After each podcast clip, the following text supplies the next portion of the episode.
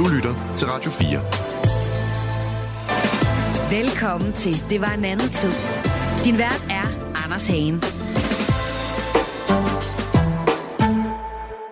Det er verdens nordligste folk. Inuit kalder de sig, og de lever her i starten af 50'erne et hårdt, men autentisk liv som skinklædte jæger og fanger. Men deres lille boplads, som vel ikke engang er en rigtig landsby, den er truet. På en værstation i nærheden er der mere og mere trafik af særligt amerikanske militærfolk. Ifølge den officielle danske forklaring, så beder lokalbefolkningen selv om at blive flyttet, fordi de nu bliver forstyrret så meget af det, der snart skal blive til Thule Airbase det, der nu hedder Pitofik Space Space. Men den rigtige historie skal først langt senere komme frem, når dagens gæst begynder at grave sig ned i de iskolde facts. I dagens udgave af Det var en anden tid, der skal det handle om en militærbase, der ligger nord for næsten alting i en ørken, der er lavet af sne, is og fjeld. Et sted, der ligger hen i mørke i store dele af året. En militærbase, der bare skulle bygges. Koste hvad det ville, fordi dette område er strategisk vigtigt. Og var der problemer med mennesker, der skulle bo på den her plet, ja, så skulle de altså bare væk. Det skulle løses. Det skal handle om en glemt brandbombe på Rides havbund. Danmarks historiens største civile retssag. En hel bunke af forsvundne sagsakter. Seks katapultsæder. En højesteretsdom. Omkring 120 mennesker, som får lidt under en uge til at skulle pakke alt deres happengud og flytte væk fra deres liv. Og en statsminister, der skal lære at sige undskyld på grønlandsk. Velkommen til Det var en anden tid. Du lytter til Radio 4.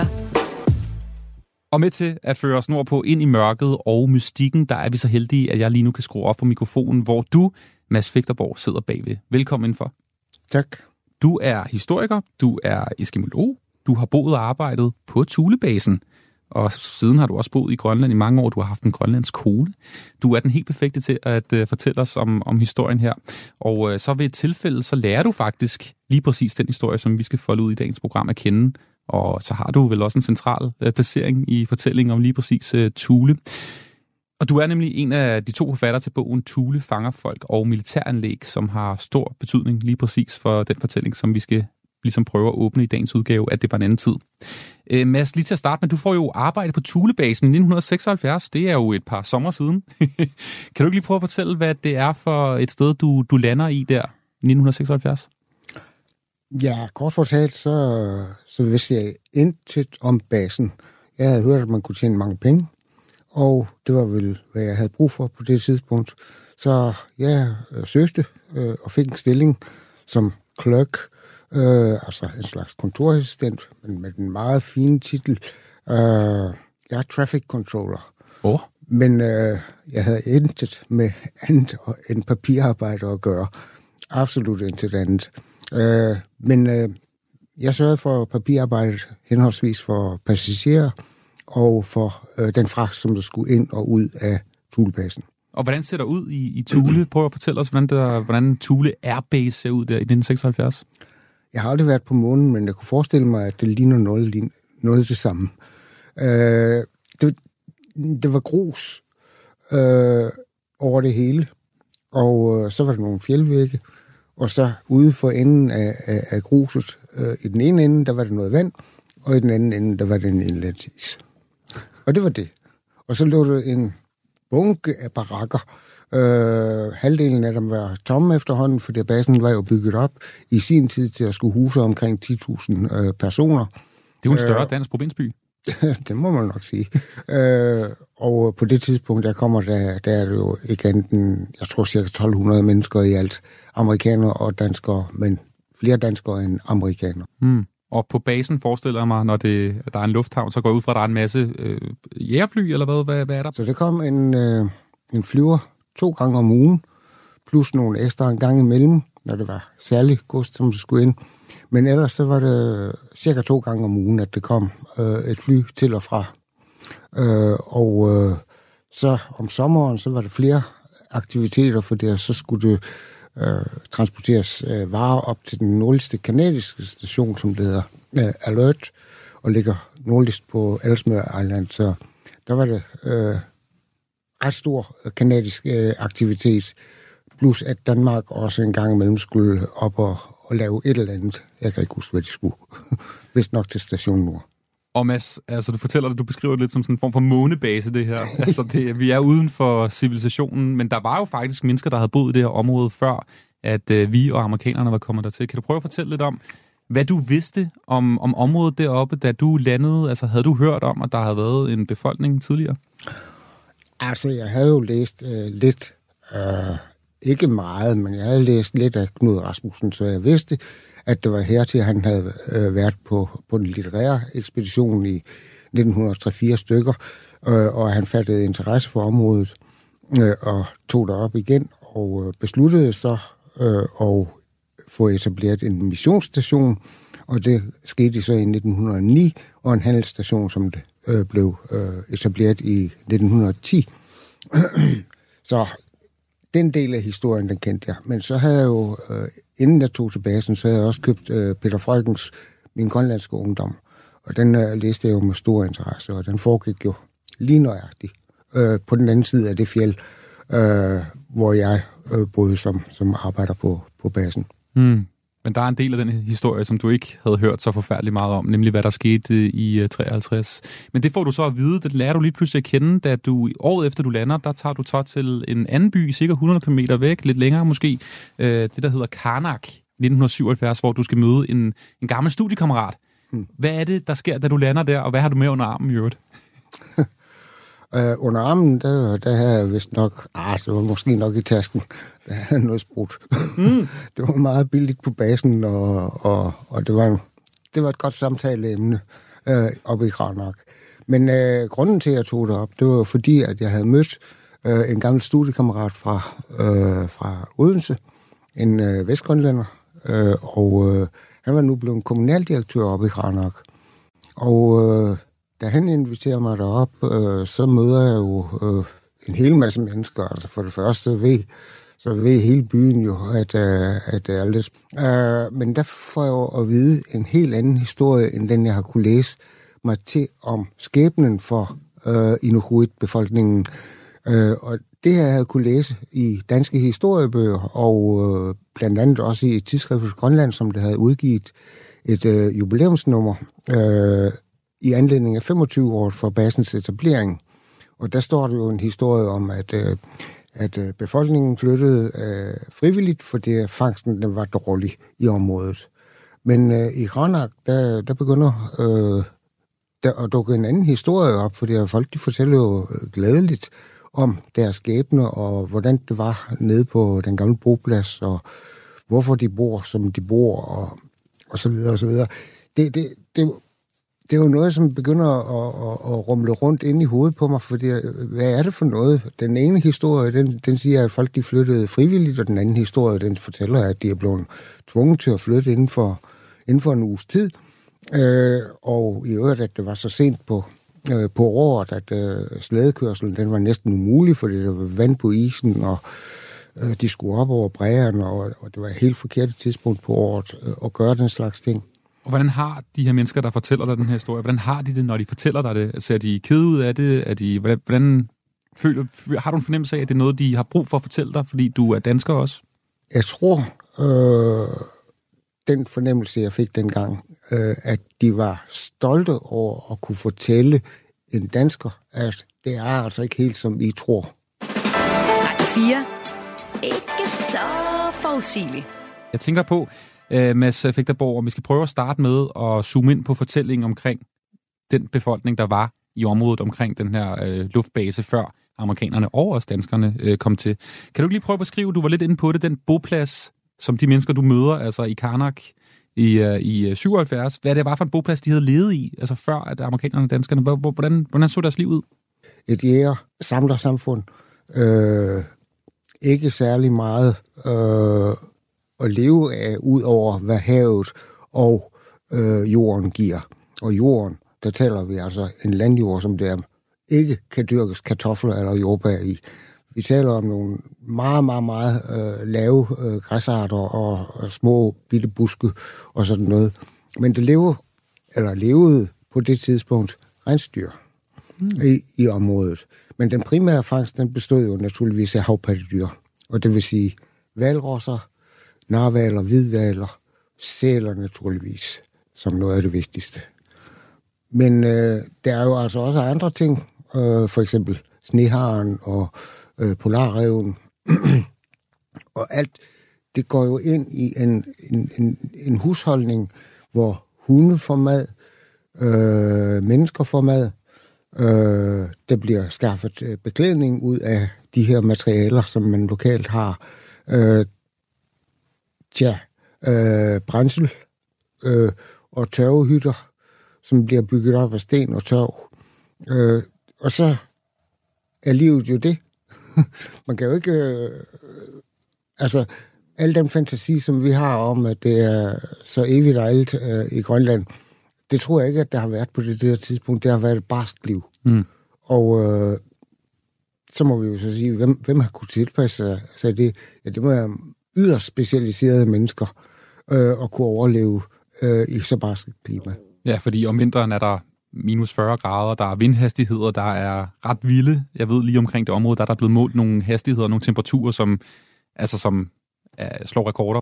Og Mads, du får den her historie fortalt lidt tilfældigt ja. af de lokale, uden du selv havde ligesom opsøgt det. Ja. Du, blev, du blev ligesom kastet ind i øh, Danmarks historien på en eller anden mærkelig måde for det her nordligste folk i verden, som altså blev tvunget væk i et hisset tempo, og uden grønlænderne øh, altså ved noget om det. Øhm, samtidig er den officielle danske forklaring, at ingen er blevet tvunget til at blive flyttet.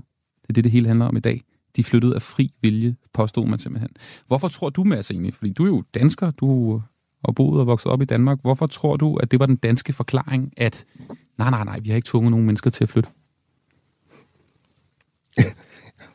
Hvis jeg må sige det så simpelt som stupiditet.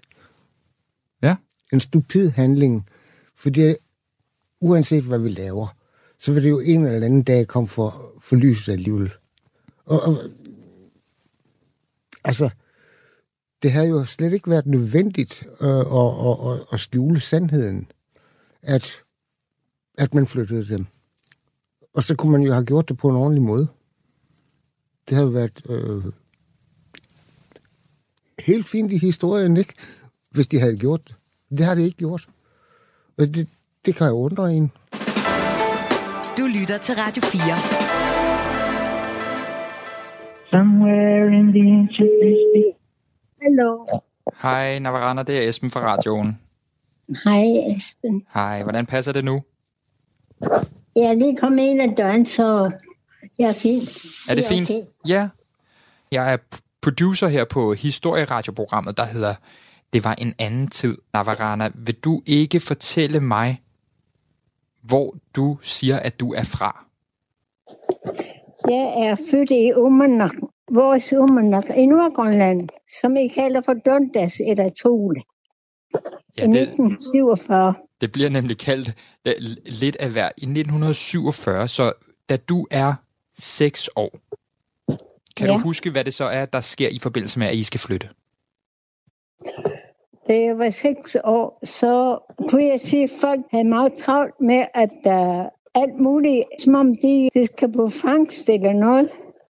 For det gjorde alting klar, men jeg var kun seks år, så jeg øh, vidste jo ikke rigtigt, hvad der skulle ske. Men øh, jeg tror, det er først senere, jeg virkelig forstod, at fordi vi var blevet øh, fortalt, at vi skulle flytte derfra alle sammen.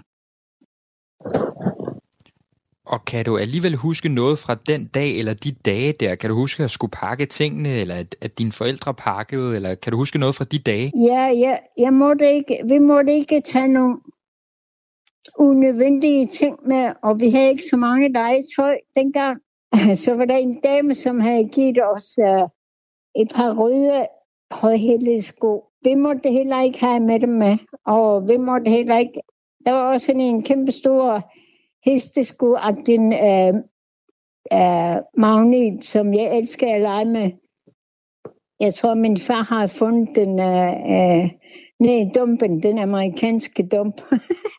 Jeg vi- måtte heller ikke tage den med, fordi den vejede ret meget. Og de, øh, de røde højhælede sko og, og din magnet, har du tænkt på dem siden? Ja, selvfølgelig har jeg det. Ellers så har jeg glemt det, hvis jeg ikke havde tænkt på det. Men det er, hvorfor jeg husker det, det er fordi, det øh, vi blev heller ikke hjulpet af, af myndighederne med, at der flyttede vores ting. Det skal kun, det skal vi selv sørge for, som om det er os selv, der flytter, ikke? Der kommer ikke nogen mennesker eller myndighederne ser, at der bare pak, pak deres, jeres ting, så skal vi nok komme med dem med, med skib. Der var der ikke nogen. Noget af det, som børn jo registrerer rigtig meget, det er, hvordan forældrene går og har det i virkeligheden. Kan du huske noget om, hvordan dine forældre har det i de her dage, og hvordan de har det med at skulle flytte? Jeg kan bare huske, så var vi jo allerede på vej længere nordpå. Og så stoppede min far og mor. Vi var jo på slæden, som var pakket ind. Altså pakket der, så meget som muligt, der, hvor den havde en masse ting med. Jeg havde, vi havde efterladt nogle ting også, fordi øh, det kan jo ikke være på en slæde. Da vi, stop, vi stoppede et sted, fordi så sagde min far og mor Ventamodundas til Umanak, hvor man lige kan skæmte øh, fjellet, fordi det er meget, meget øh, specielt fjeld. Man kan se det langt væk fra. Og de har mistet fire eller tre børn der på der i Dundas Umanak. Det var jo ret, uh, hvad hedder det, følelsesladen. Det var første gang, jeg nogensinde har set min far mor græd. Jeg kunne jo se det græd stille og roligt, men uh, tårerne, de trillede ned af deres kender. Og det var ret... Jeg var kun seks år, men det var altså godt nok meget, hvad skal man sige, uh, det glemmer jeg aldrig. Det kan jeg virkelig godt forstå. Dine forældre, de kigger sig tilbage på fjellet, hvor I har boet i flere generationer, men også hvor flere af, af dine søskende er begravet. Er det sådan? Ja. Ja. Ja. Men så kan man jo godt forstå, at det var fyldt med, med følelser for dine forældre. Hvordan Ja. har de snakket om det i årene efter? Altså, hvad har været fortællingen fra dine forældre om den her flytning? Man snakker, altså, man snakker jo ikke om det hele tiden, fordi uh, myndighederne, de, de lytter jo ikke noget. de lytter jo ikke, de er jo ligeglade. Hvordan har Ja. du det i dag, Navarana, når du tænker på Thule og på den base og militærbase, der ligger der i dag? Som jeg altid siger, så skulle det jo ikke være sket, vel? Altså, det kunne jo bare have bygget en base, det er meget hvor, fordi det, uh, det kan lave byer alle steder, lige meget hvordan uh, jorden er. Det behøver ikke have uh, fået den oprindelige befolkning til at flytte fra deres eget gamle sted, fordi det var en uh, centrum for, for hele Norden. Man kan ikke tvinge folk til at flytte. Hvis der sker i dag, den dag i dag, så vil jeg bare have skrejet så godt jeg kan. Navarana, har du så siden, og efter du er blevet voksen, fået skaffet dig et par, øh, et par højhælede røde sko?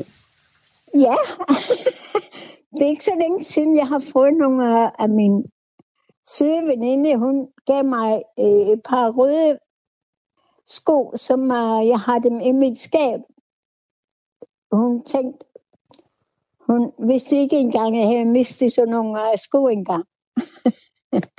Se, det synes jeg er helt vidunderligt, at du har et par øh, røde højhælede sko liggende inde i skabet. Navarana Sørensen, tusind, tusind tak, fordi jeg lige måtte ringe og forstyrre dig. Tak for det. Du lytter til Radio 4. Det er Mads øh, Fægteborg, vi har i studiet i dagens udgave, at det var en anden tid. Vi snakker om Thule, og indtil øh, juni 1953, der er Grønland jo en koloni i Danmark, hvilket er, er svært for os at forstå, hvad det helt præcis praktisk betyder. Men helt konkret betyder det jo, at de mennesker, der bor i Grønland, der er født i Grønland, øh, også de mennesker, der bor i det her område omkring Tulebasen, de ikke har borgerrettigheder, ligesom danskerne. De har ikke øh, mulighed for nødvendigvis at gøre indsigelser, hvis der kommer nogle mennesker og siger, at de skal flytte væk. Så er det bare de regler, der er. Er det rigtigt forstået, Mads? delvis rigtigt øh, på den måde, at øh, naturligvis havde grønlænderne også rettigheder. Øh, men det er ikke de samme rettigheder, sådan som vi opfatter dem. Fordi det fandtes rettigheder for grønlændere, og så fandtes det rettigheder for, for danskere i Grønland. Det var først, når grønlænderne de så var i Danmark, at de fik de samme rettigheder som os. Mm. Så det er øh, sådan lidt, lidt tricky, øh, det spørgsmål der. Men det, som er, er interessant, det er jo, at det først er 5. juni øh, 1953, at grundloven øh, bliver udstrakt til at, øh, til at omfatte Grønland, fordi Grønland bliver en ligeberettiget del af, af Danmark, kongeriget Danmark. Og det er jo interessant, fordi at i maj 1953, altså lige op til at grundloven bliver skrevet under med stor pomp og pragt, der er der nogle mennesker i Tulområdet, der får besked på, at de skal flytte. Øhm, prøv lige at fortælle lidt om, øhm, hvordan de her mennesker de får det at vide? Altså, hvad ved vi konkret om det her? Fordi det virker jo som en ret stor opgave, man lige pludselig skal få flyttet sådan nogle mennesker. Jamen altså, der er jo foregået nogle, nogle forhandlinger øh, frem og tilbage. Amerikanerne var sådan set ret ligeglade med, om, om det var i 1953, 54 eller måske. Men altså, de ville meget gerne udbygge deres øh, forsvarssystem. Og øh, det er det jo så nogle forskellige øh, forhandlinger om, om, om det kan lade sig gøre osv. Og, øh, problemet vokser så åbenbart lidt større i København, end det gør i Washington. Fordi øh, nu skal man altså af med de her mennesker.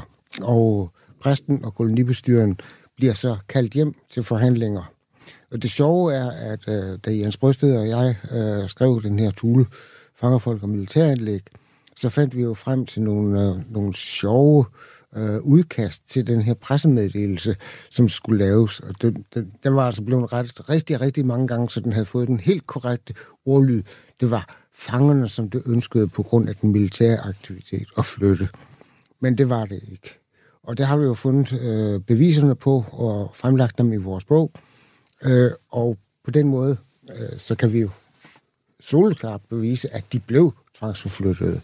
Det er så også den historie, som højesteret øh, er kommet frem til øh, efter først en dommerundersøgelse på 700 og nogle sider, og så en Østre Landsretsdom i, i, øh, i øh, 99, og så højesteretsdom i november 2003. Altså for 20 år siden. det, er, det er jo altså, det var altså en, det er 70 år siden, de blev flyttet. Så der, der har været en 50-årig proces at få bevist, at det Danmark gjorde i 1953, det var en tvangsforflytning. Og det, det kan det ikke rokkes ved mere. Nu sidder vi og spekulerer lidt her, Ja. ikke? Fordi de her mennesker, de får at vide i maj 53, at de skal flytte. De får under en uge til at komme væk fra området. Det er meget presserende for de at vide, ikke? Og så går der nogle uger, og så er der altså en ny grundlov den 5. juni, som sikrer de her mennesker nogle rettigheder. Kan man spekulere, at de danske myndigheder har haft så travlt med at få de her mennesker væk, fordi de lige om lidt vidste, at de ville få nogle rettigheder, der ville kunne give dem problemer, altså danskerne problemer senere hen? Det er i hvert fald en meget nærliggende tanke. Jeg, jeg har svært ved at komme ud over tanken. Altså, det havde jo ikke været så nødvendigt, for det amerikanerne pressede ikke på. De presser ikke på. Nej, de presser ikke på for at få øh, befolkningen væk. Det, det, det er danskerne, der presser på. For det, som vi ved, øh, jamen så, så sagde amerikanerne, jamen altså, det ville være meget godt, hvis de kommer væk på et eller andet tidspunkt, også for deres egen sikkerheds skyld og sådan noget. Men det er ikke noget, der haster. Så det må jo være en dansk beslutning. Hvad siger og... det dig om danskernes syn på grønlænderne i lige den her øh, periode? Det siger mig, at øh, danskerne øh, var enevældige fyrster. Du lytter til Radio 4. Undskyldninger, det er jo noget nyt, vi har kender til i Danmark, det her med, at den danske stat, statsminister går ud og siger undskyld til nogle mennesker, som man mener, at øh, de danske myndigheder på en eller anden måde har, har opført sig øh, dårligt overfor. Vi har set det tidligere med Godhavn, øh, børnene, men vi har også set det faktisk i forbindelse med lige præcis den her sag. Det var den første undskyldning, som den danske stat gav til nogen, og det var tilbage i 1999, da statsministeren, som hed Poul Jørg Rasmussen på det tidspunkt, han i en fælles skriftlig erklæring sammen med landstyreformand i Grønland, Jonathan Motsfeldt, han altså øh, de altså skrev sammen den 2. september 1999. Så et lille uddrag for den tekst. Der er ikke noget lyd på det, det er lidt specielt. Det kan man jo spekulere i, hvorfor at det kun er på skrift, men her er det i hvert fald. Regeringen, øh, så vil regeringen på den danske stats vegne overbringe en undskyldning til Inuit Thules befolkning og til hele Grønland på den måde, hvorpå beslutningen om flytningen blev truffet og gennemført på i 1953. Og den her undskyldning kommer jo efter en lang årrække, som du selv var inde på, med debat og retssager, kommissioner, jeg skal komme efter dig, øh, og hvor du jo faktisk spiller en øh, ret central rolle, Mads, jo, fordi du jo i 1985 udgav en bog sammen med din kompagnon øh, Jens Brøsted, som hedder Tule, Fangerfolk og Militæranlæg. Øhm, hvad har den her bog, tror du? Jeg ved godt, det kan være lidt svært for dig, og i og med, at du har skrevet den selv, men hvad har den bog betydet for, at der kom en undskyldning i 1999? Altså, bogen er jo den første dokumentation øh, af, øh, af forløbet. Altså, det er jo ikke den første dokumentation, men det er den første dokumentation, som det er veldokumenteret, hvor vi kan påvise, at det skete en tvangsforflytning, og at det skete alle de her mærkelige øh, forgrøblede øh, historiefortællinger, øh, og at, øh, ja, at, øh, at man stort set løg sig igennem historien. Øh, det har naturligvis givet anledning til, som du selv nævnte, øh, øh forskellige undersøgelser og retssager og, og så videre.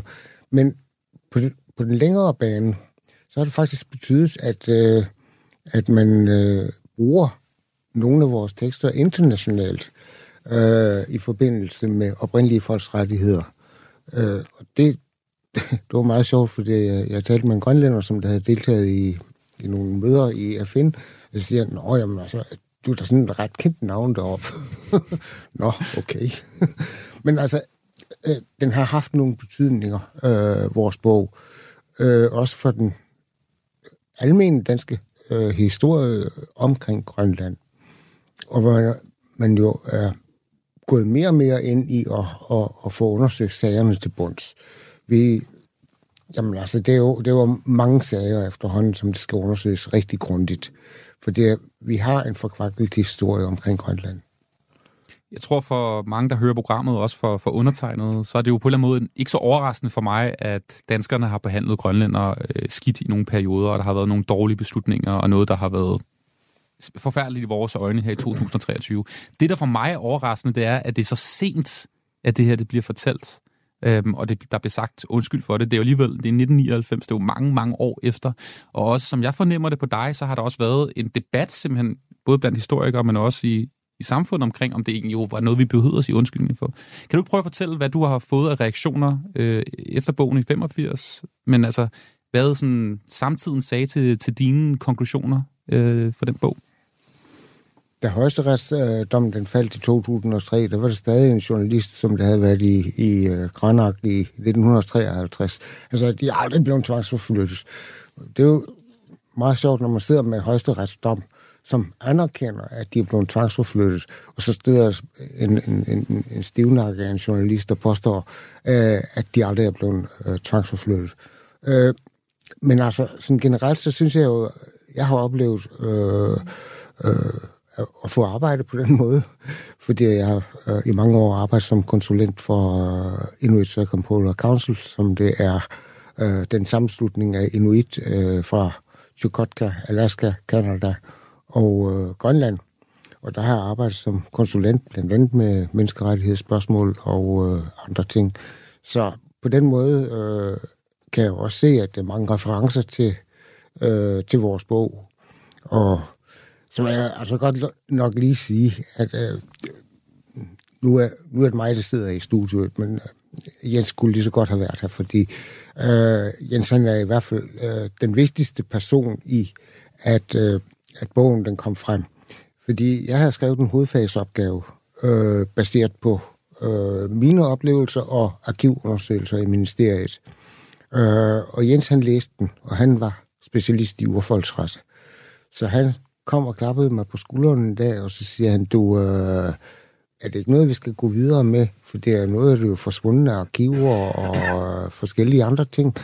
Øh, måske øh, vi kunne komme dybere ned i det. Øh, og øh, der gik vi altså for alvor i gang med den.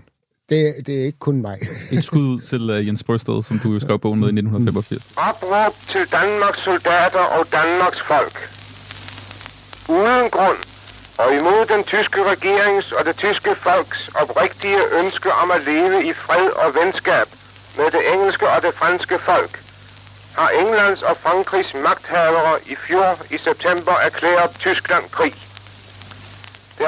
Mellem var øh, 1940 og at bidrage efter 1945, der er der jo verdenskrig. Den anden verdenskrig jo, hvor at øh, Danmark er øh, besat af tyskerne, men USA jo kæmper krigen på den anden side af havet, og senere også kommer til Europa med landtropper og den slags. Kan du prøve at fortælle lidt om det område omkring øh, Thule, som vi jo kender det i dag øh, som øh, Pitofik? Altså, hvad er det, den her luftbase betyder for amerikanerne? Hvad er det for en placering, den har? Der bliver etableret en værstation oppe, øh, der hvor basen ligger i dag, bemandet af danskere.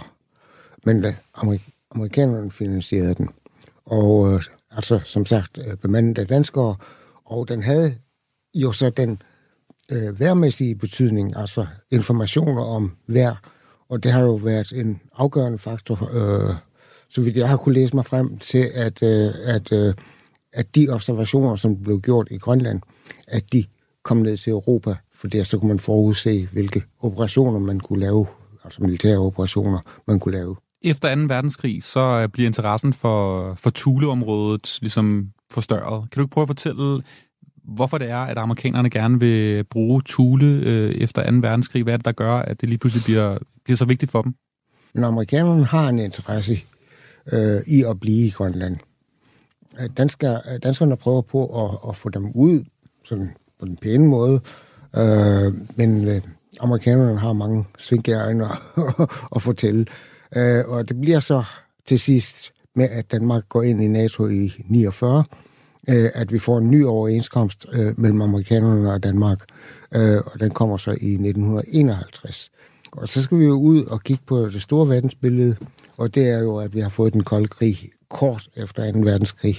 Eftersom den kolde krig bliver mere og mere tydelig, Koreakrigen er en anden faktor, så har amerikanerne brug for at få et anlæg så tæt mod Nordpolen som muligt. Og der viser øh, Bitufik, eller det område, som så, øh, hvor Thule-basen den bliver anlagt, øh, den viser sig gunstig for at kunne lave en virkelig stor øh, militærbase. Mm. Og den bliver så bygget der fra 51, og så øh, bliver den afsluttet cirka 53, ikke? Så man kan Og- sige fra, at øh, de amerikanske baser i Grønland under 2. verdenskrig havde den betydning at være en tankstation for amerikanske flyvere, og måske også radaranlæg for vejrudsigter, så har de en helt anden interesse nu efter 2. verdenskrig i forhold til, at den nye fjende er Sovjetunionen. Og hvis man kigger på en globus, så kan man se, at Sovjetunionen ligger ret tæt på faktisk øh, Grønland. Hvis vi kigger sådan op på toppen, altså fra øh, Thulebasen og til Sovjetunionen, er der faktisk ikke så der er ikke særlig langt. Så det får en helt anden øh, betydning i forhold til øh, vigtigheden af, at der er amerikanere til, til stede. Jeg kan så ikke lade være med at tænke her, Mads, i forhold til øh, danskerne, fordi efter 2. verdenskrig, der var vi jo meget interesserede i, at amerikanerne skulle pakke deres harpengud sammen og komme ud af Grønland, fordi det var en dansk koloni. Øh, hvordan kan det være, at Danmark lige pludselig synes, det egentlig er meget fint, at amerikanerne udbygger eksempelvis Thulebasen og gør det til sådan et stort sted, hvor at amerikanere er på dansk parentes jord? Jeg tror ikke, at danskerne har haft noget at sige. Nej. Ganske enkelt. Altså, amerikanerne har haft deres interesser, øh, og Danmark har været udmærket klar over, at øh, den store beskytter øh, for Danmark, det er USA. Det har vist sig under 2. verdenskrig i hvert fald. Øh, og deres øh, interesser er globale, og de ønsker øh, at have den her base. Og det er, så vidt jeg kan forstå, overhovedet intet at rafle om her. Det, det er bare, det vil amerikanerne. 900 miles from the North Pole, and only five hours flying time by jet bomber away from Russia's industrial heart, is the American airfield at Thule. Nearing completion, it is regarded as a vital defense outpost. Nestling near the 10,000 foot ice mountain of the Greenland ice cap, the field was America's biggest secret military operation since the Normandy invasion. Den 6. april i år, der skifter Thule Airbase faktisk navn til øh, Pitofix Pitufik Space Base. Og trods undskyldninger, retssager og navneskift, så er basen stadig overhovedet ikke grønlandsk. Og det er jo det, det handler om i dag. Alle de her mennesker, som der er blevet øh, flyttet fra området omkring Thule Airspace, eller Pitufik Space Base, og nu altså bor et helt andet sted, som er dagens emne her i Det var en anden tid.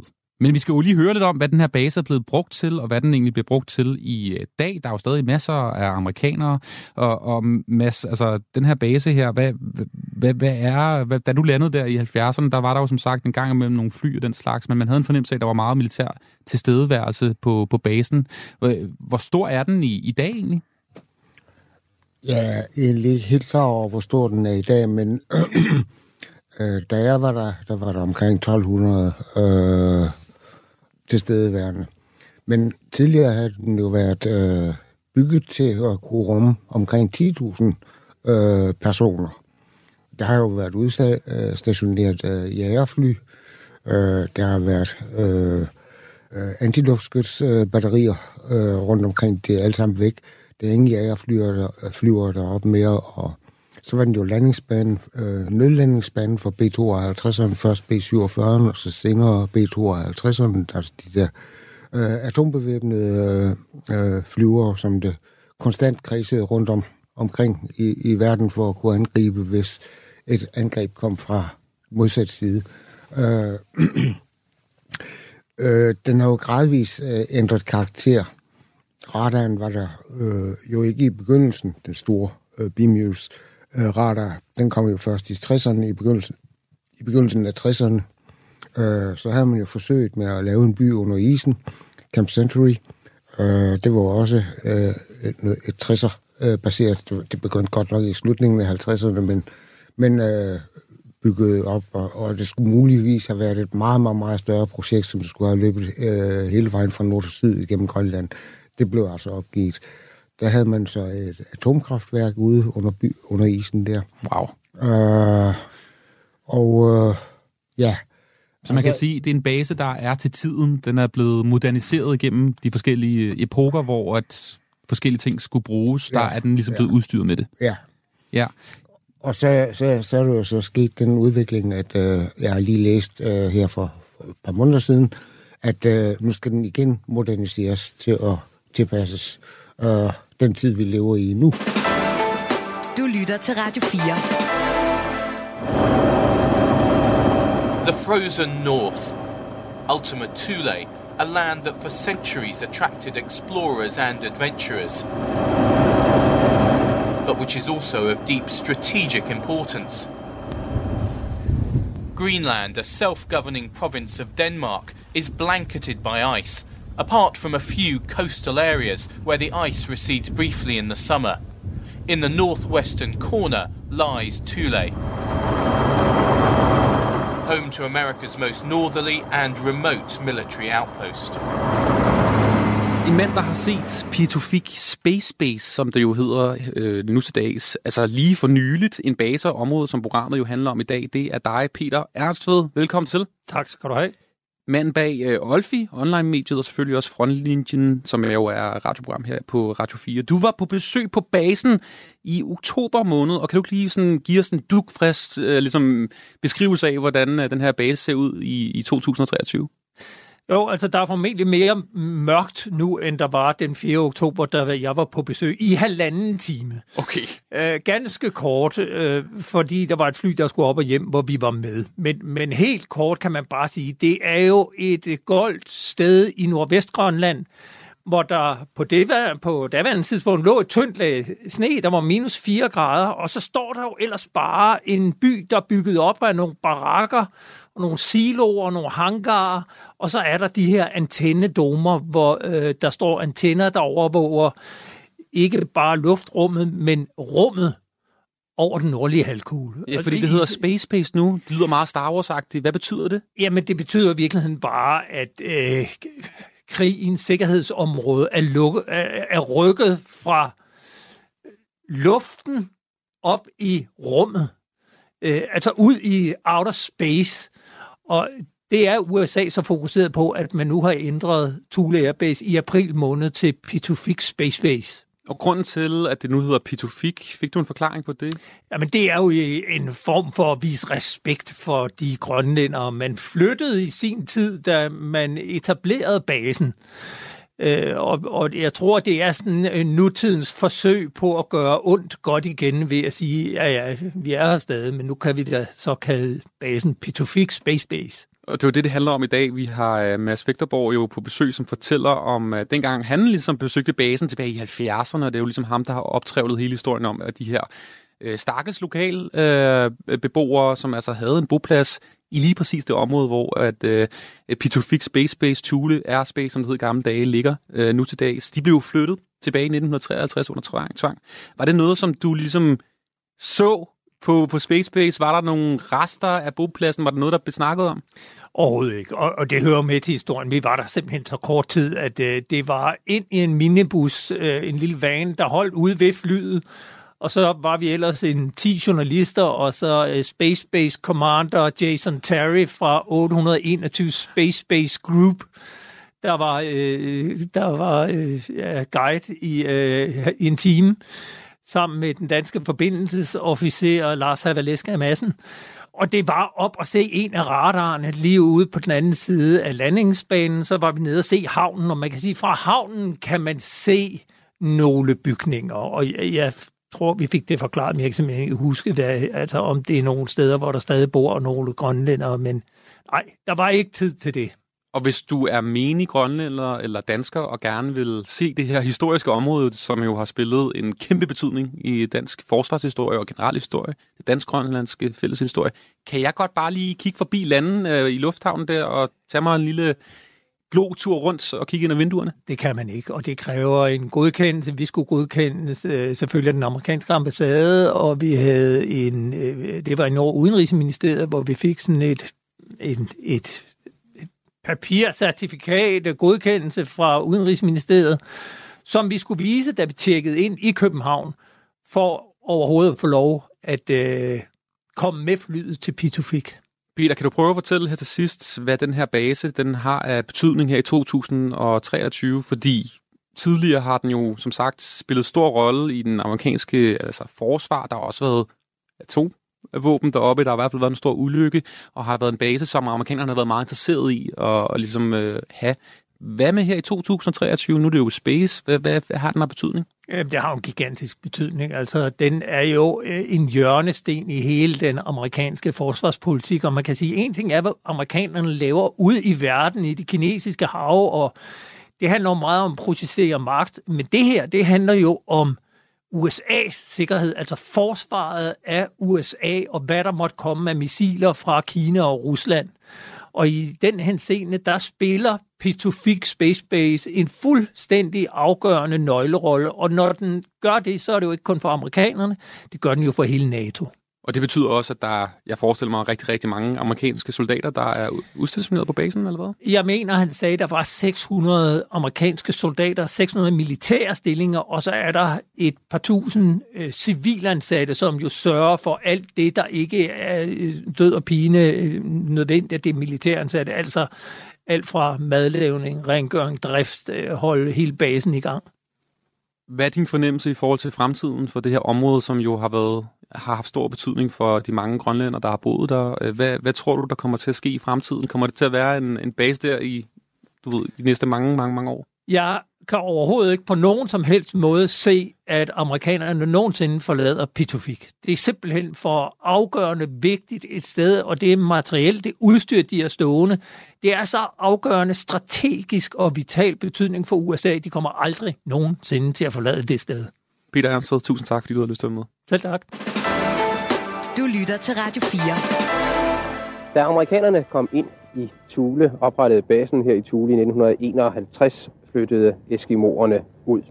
Det vi ser herovre i baggrunden er Dundas bjerget, og det er det gamle Tule, gamle Tule by, der lå derovre.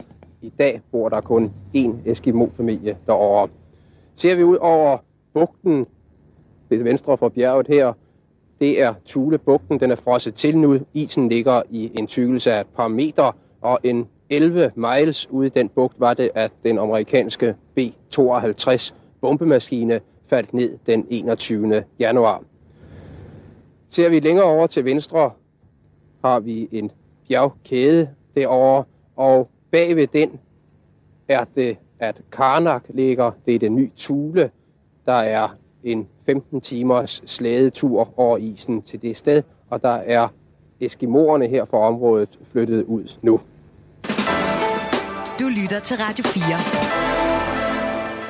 Sulebæksen rimer jo også på en fuldstændig sindssyg historie fra 1968, i hvert fald set med nutidens øjne. Vi er tilbage i en sådan meget, meget kold januarnat i 68. Det er altså stadigvæk amerikanerne, der styrer på Thulebasen, og amerikanerne har sådan et system, hvor de øh, under den kolde krig konstant havde bombefly i luften med altså armerede brandbomber.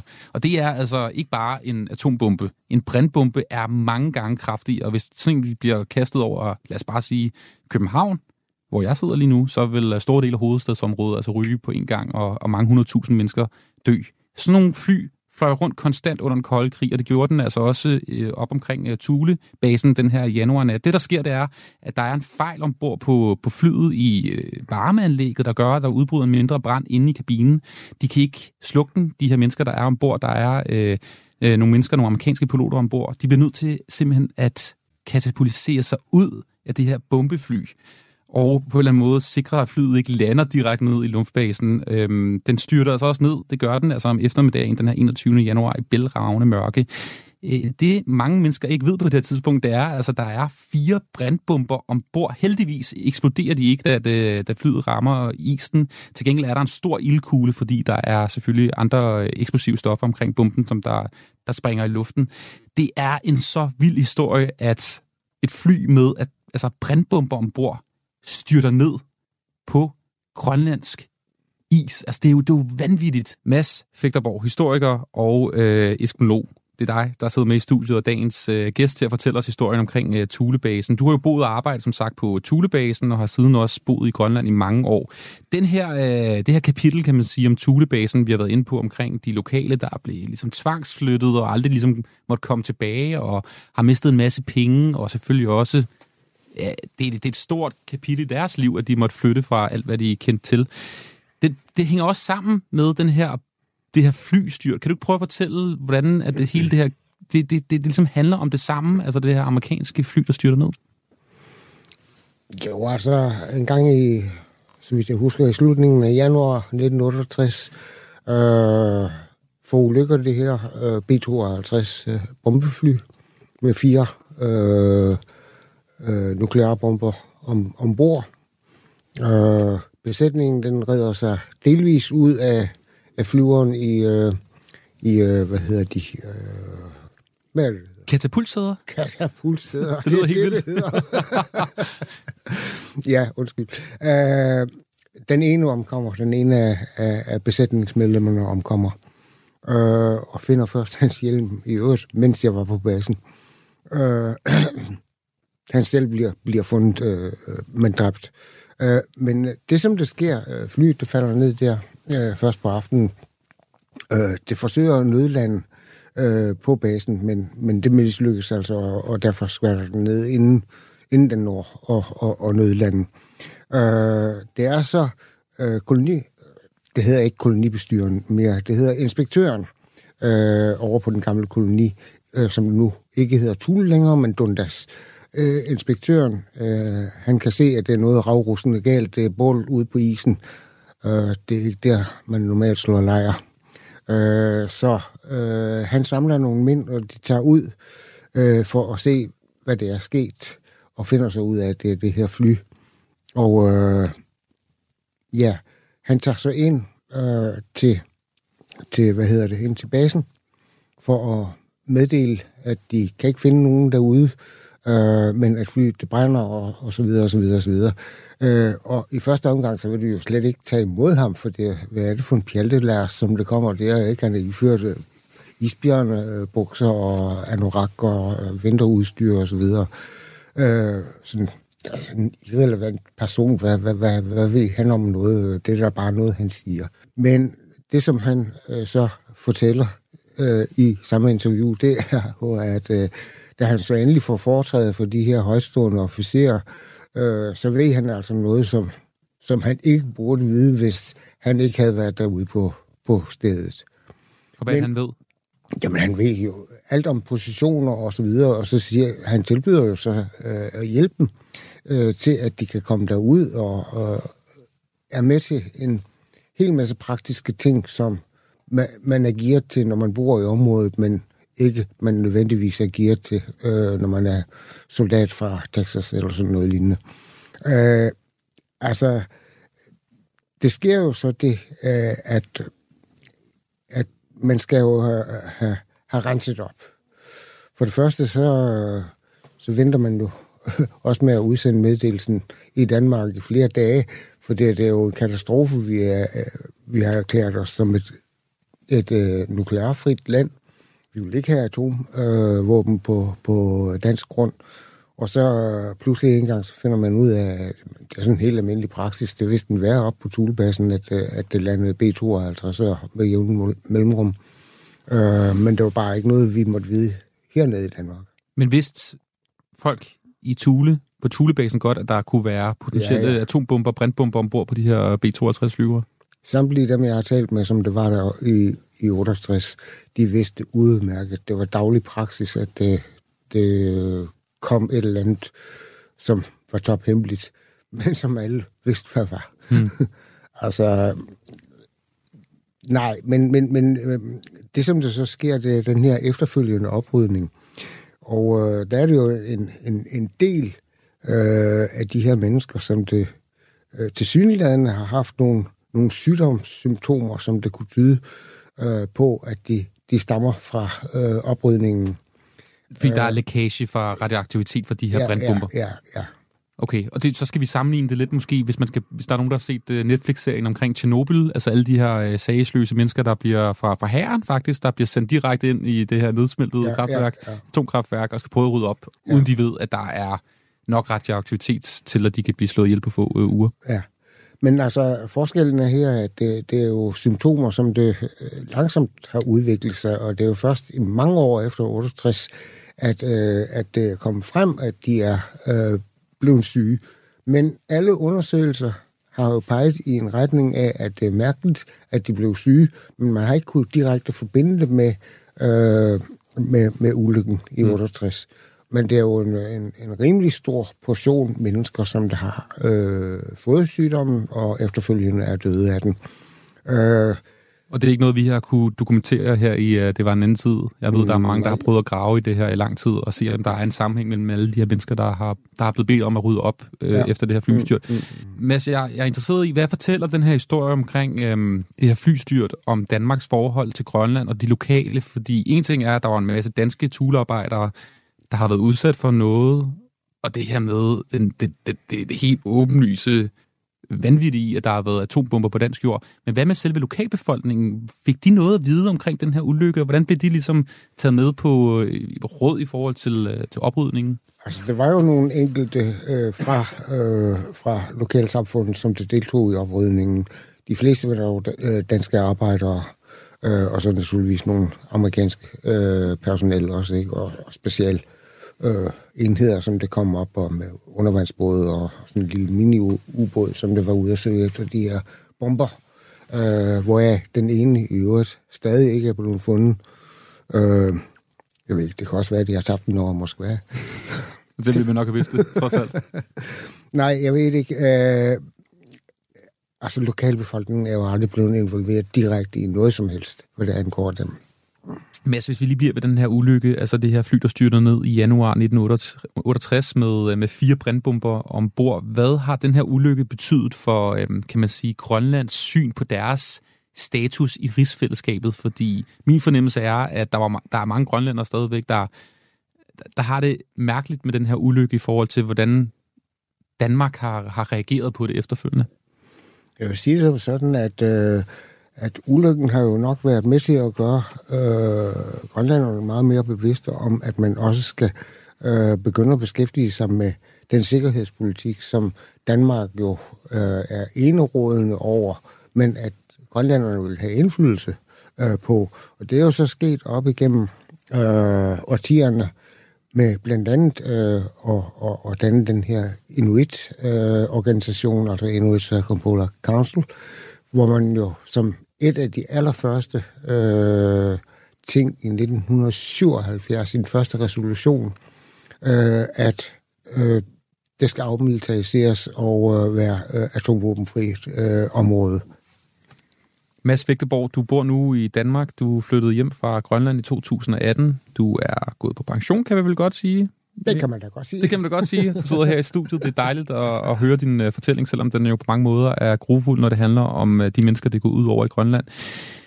Helt kort her til sidst. Hvad betyder Tule eller Pitufik for dig i dit liv? Hvad har det betydet? Det var nok øh, den største ændring overhovedet. Altså, det at jeg kommer op og leve, øh, opleve øh, en befolkning, som kunne fortælle mig en anden historie, det har jo ændret mit liv totalt.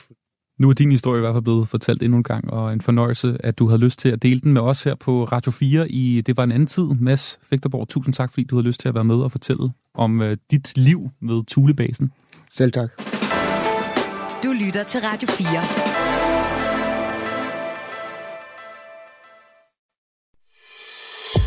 Du har lyttet til en podcast fra Radio 4.